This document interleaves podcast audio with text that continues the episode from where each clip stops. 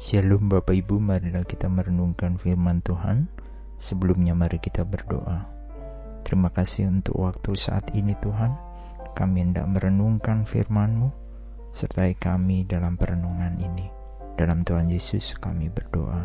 Amin.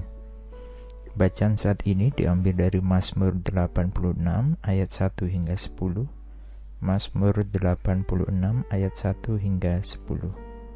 Doa Daud Sendengkanlah telingamu ya Tuhan, jawablah aku, sebab sengsara dan miskin aku.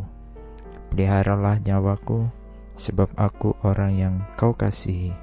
Selamatkanlah hambamu yang percaya kepadamu. Engkau adalah Allahku, kasihinilah aku ya Tuhan. Sebab kepadamulah aku berseru sepanjang hari. Buatlah jiwa hambamu bersuka cita, sebab kepadamulah ya Tuhan ku angkat jiwaku. Sebab Engkau ya Tuhan, baik dan suka mengampuni dan berlimpah kasih setia bagi semua orang yang berseru kepadamu.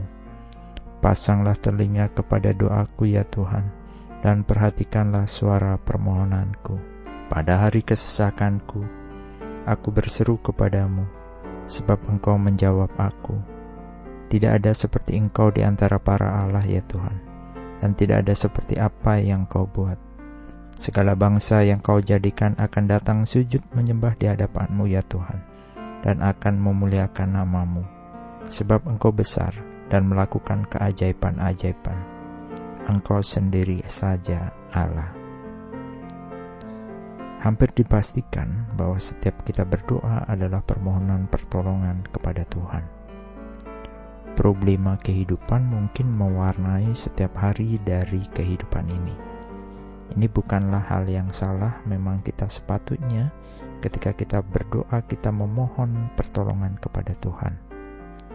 Sebagai orang percaya, landasan keimanan kita adalah harus tertuju kepada Tuhan sendiri.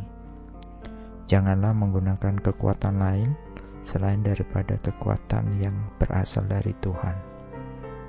Doa Daud dalam bacaan saat ini adalah gambaran kita juga.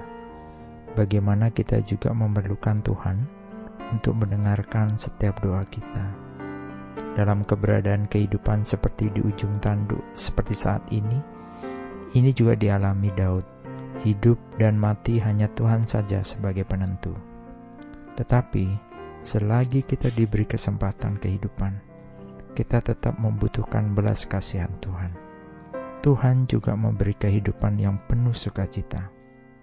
Jikapun ada pergumulan dalam kehidupan, digambarkan sebagai kesesakan hidup, permohonan kita tertuju kepada Tuhan, karena Tuhan itu sungguh baik dan berlimpah sukacita.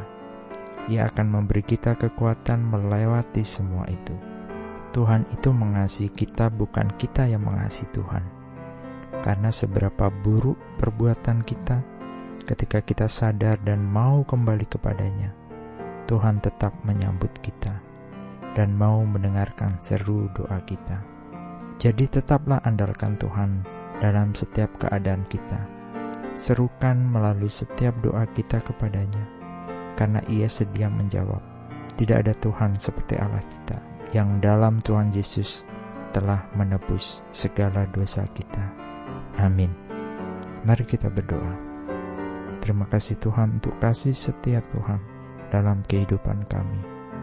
Banyak kealfaan dalam hidup kami, tapi Tuhan tetap menyambut kami. Terima kasih Tuhan untuk semua ini. Kami senantiasa memohon pertolongan Tuhan untuk melewati semua kehidupan ini. Dengarlah seru doa kami. Dalam Tuhan Yesus kami berdoa. Amin. Tuhan Yesus memberkati. 下路。